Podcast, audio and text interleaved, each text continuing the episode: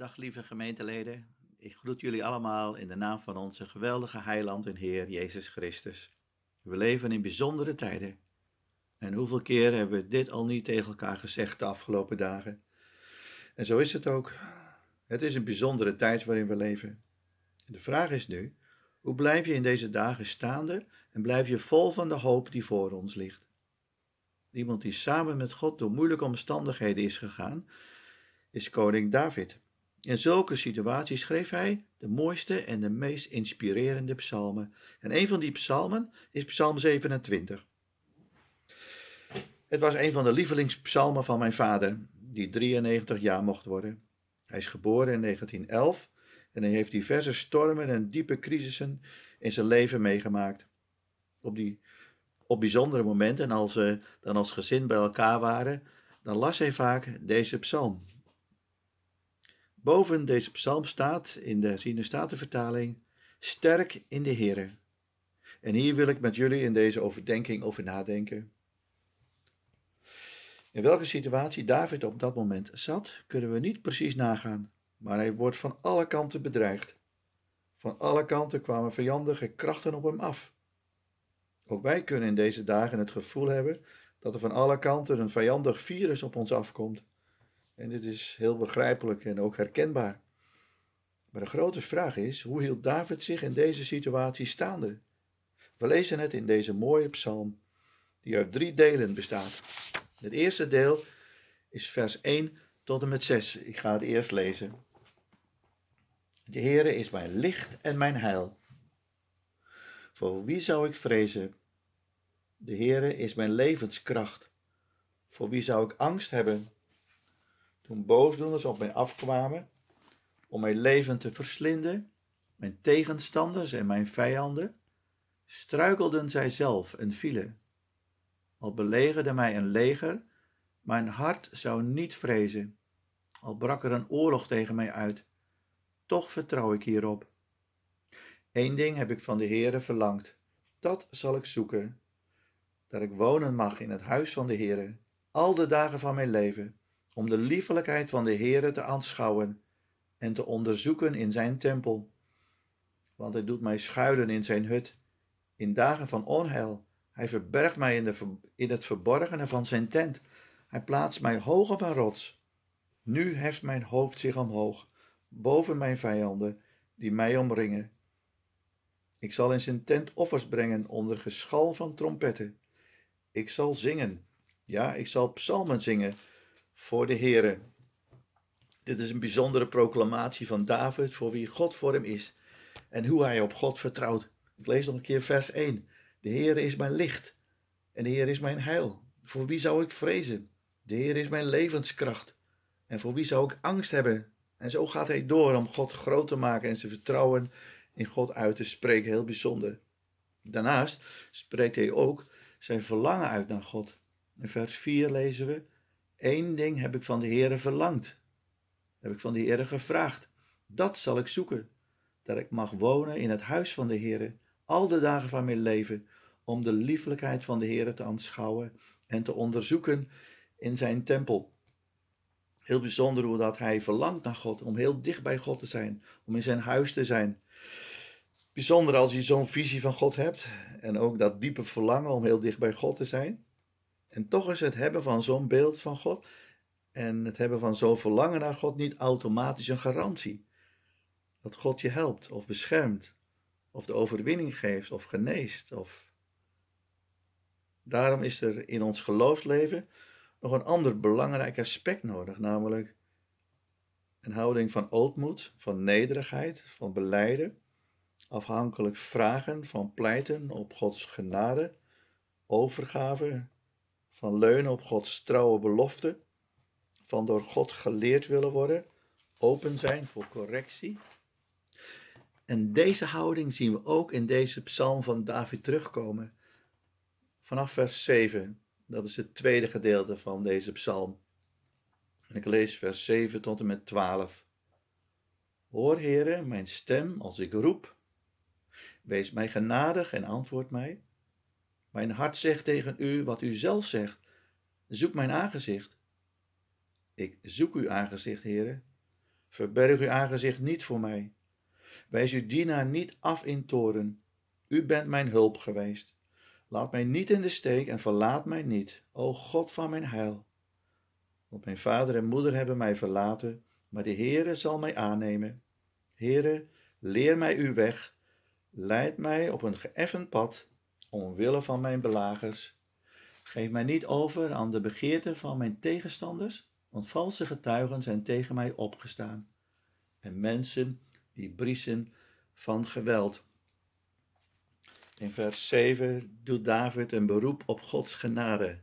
Niet op zijn kennen van God en niet op uh, zijn diepe verlangen naar God, niet op, op zijn aanbidding en uh, hoe oprecht het allemaal ook is. David weet, als God mij verhoort en helpt, dan is dat alleen op basis van genade, op basis van Gods barmhartigheid. Iemand die dit ook begreep is Daniel. In Daniel 9 vinden we een krachtig gebed van Daniel. In dat gebed zegt hij op een bepaald moment het volgende tegen God. Nu dan, onze God, luister naar het gebed van uw dienaar en naar zijn smeekbeden. Doe, omwille van de Heere, uw aangezicht lichten over uw heiligdom dat verwoest is. Is te midden van de ballingschap. Als de tempel in Jeruzalem verwoest zijn, doet daar Daniel dit uh, indringende gebed. En dan gaat verder: Neig uw oor, mijn God, en hoor. Open uw ogen om onze verwoestingen en de stad te zien waarover uw naam is uitgeroepen. Want wij werpen onze smeekbeden niet voor u neer op grond van onze gerechtigheden, maar op grond van uw grote barmhartigheid. Heere, luister, Heere, vergeef, Heere, sla er acht op en doe het. Wacht niet langer, omwille van uzelf, mijn God. En het bijzondere is dat God dit gebed van Daniel op een hele bijzondere wijze verhoort. En dit was de aanleiding voor de terugkeer van het volk Israël vanuit de ballingschap. Omdat hij bidt vanuit een houding van pleiten op Gods grote barmhartigheid. En deze houding vinden we ook terug in het gebed van David. David bidt in vers 8: Mijn hart zegt, en ik lees het vanuit de NBG-vertaling: Van uwentwege zegt mijn hart: Zoek mijn aangezicht. Ik zoek uw aangezicht, heren. David verlangt naar God, maar hij is er zich van bewust dat dit verlangen naar God niet bij hemzelf vandaan komt. Hij erkent God hierin. Van uwentwege, zegt mijn hart. Hij ervaart dat God hem roept om God te zoeken. En daar kan God alles voor gebruiken. Ook de vijanden die op David afkomen en hem in gevaar brengen. Moeilijke omstandigheden zijn vaak een aansporing van Gods wegen om hem te zoeken. Niet dat God de initiator van is van de problemen en de vijanden, want hij staat hier ver boven. Maar hij kan ze wel gebruiken om ons hart naar hem toe te neigen, zodat we hem gaan zoeken en tot hem gaan roepen. En zo kan er zomaar een coronavirus de kop opsteken. God initieert dit niet. Hij staat hierboven en regeert over alles. Maar hij kan zoiets wel gebruiken om ons bewust te maken van wie hij is, de schepper, de almachtige, de ik ben die ik ben, de vader. Dit kan in het klein in ons persoonlijk leven gebeuren, wanneer we met tegenslag en beproevingen te maken krijgen. En nu gebeurt het wereldwijd. En dit is wel heel bijzonder. God is de wereld aan het wakker schudden om ons ergens van bewust te maken. Wij hebben onze Babylonische torentjes gebouwd, onze economische torens, onze torens van eigen genot en welvaart, onze financiële torens, onze autonome denken, dat wij zelf bepalen wat goed of fout is, enzovoorts. En die storten al deze torens als een kaartenhuis in elkaar. De machtige leiders van deze wereld kijken machteloos toe. God wil ons niet plagen, maar hij lokt ons met zijn liefde. Zijn geest begeert met jaloersheid naar onze geest, zegt Jacobus. Gods geest verlangt met jaloersheid naar onze geest. God wil een relatie met ons. God heeft ons immers voor Hemzelf gemaakt. God wil niet dat we alleen Zijn handen zoeken om ons nog meer te zegenen, maar Hij wil dat wij Zijn hart gaan zoeken. En zo roept God de wereld wakker. Hij wil ons hart opwekken om Hem te zoeken, om Hem te kennen en om met Hem te wandelen en Hem lief te hebben. Om dit mogelijk te maken gaf God Zijn Zoon. Want al zo lief heeft God de wereld dat Hij Zijn enige Zoon Jezus gegeven heeft, opdat er ieder die in Hem gelooft niet verloren gaat, maar eeuwig leven en eeuwige relatie met Hem heeft. En zo bidt David in ootmoed, in alle nederigheid. En hij wil ook door God geleerd worden. Hij, hij bidt, Heere, leer mij uw weg. Leid mij op een geëffend pad, omwille van mijn belagers. En dan komen we bij het derde deel in deze psalm, het laatste gedeelte, vers 13 en 14. Ik zal het eerst lezen. Als ik toch niet had geloofd dat ik de goedheid van de Heere zou zien in het land van de levenden, dan was ik vergaan. Wacht op de Heere, wees sterk, en hij zal uw hart sterk maken. Ja, wacht op de Heere. In vers 13 zegt hij, als ik toch niet had geloofd, dan was ik vergaan, was ik omgekomen. En vanuit deze nederige houding van ootmoed en overgave komt er een verdieping in Davids geloof. Als ik toch niet had geloofd. Nu is het niet alleen een weten dat God groot is en dat hij machtig is. Het is niet alleen een verlangen naar God, maar nu heeft hij door het geloof dit aan de levende lijve ervaren. Het is een levende realiteit geworden.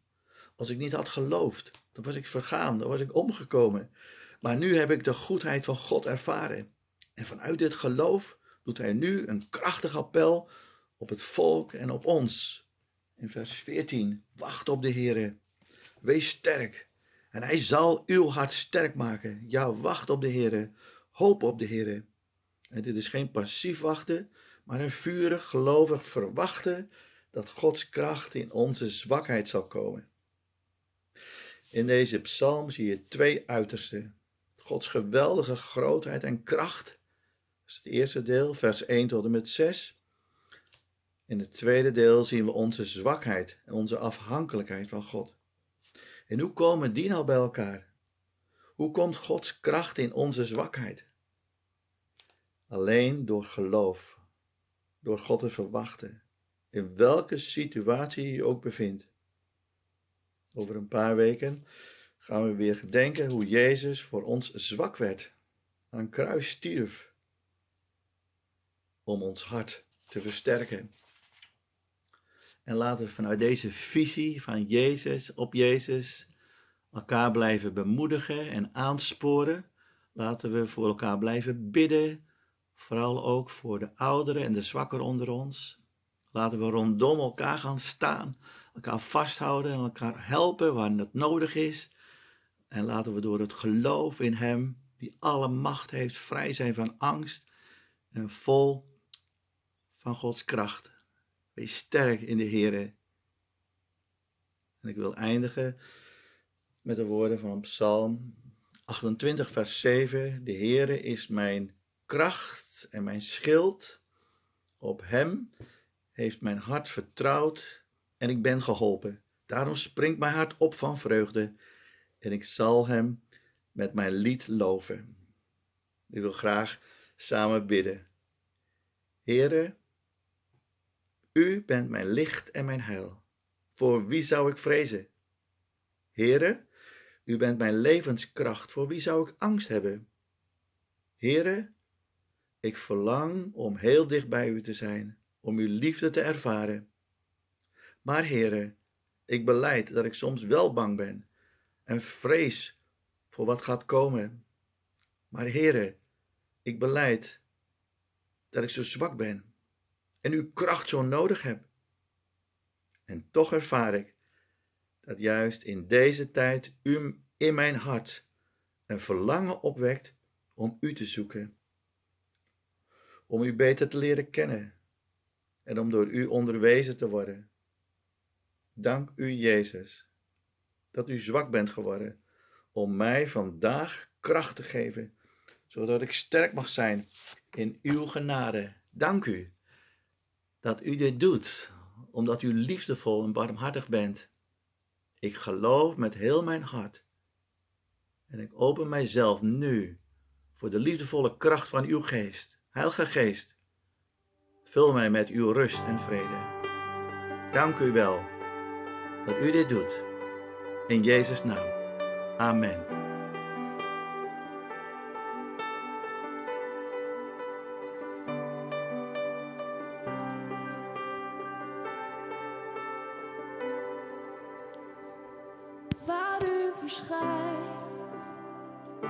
Wordt alles nieuw. Want u bevrijdt en geeft leven. Elke storm verstilt door de klank van uw stem. Alles buigt voor koning Jezus.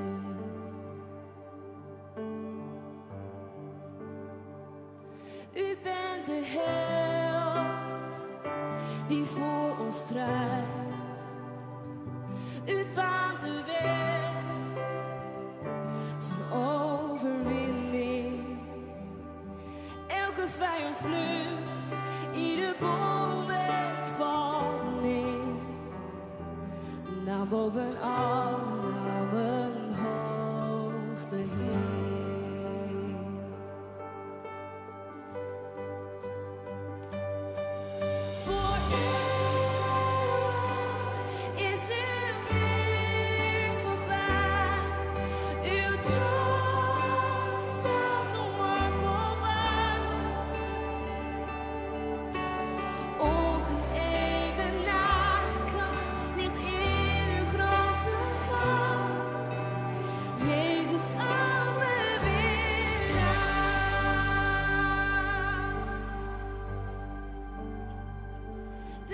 De duisternis ligt op door u.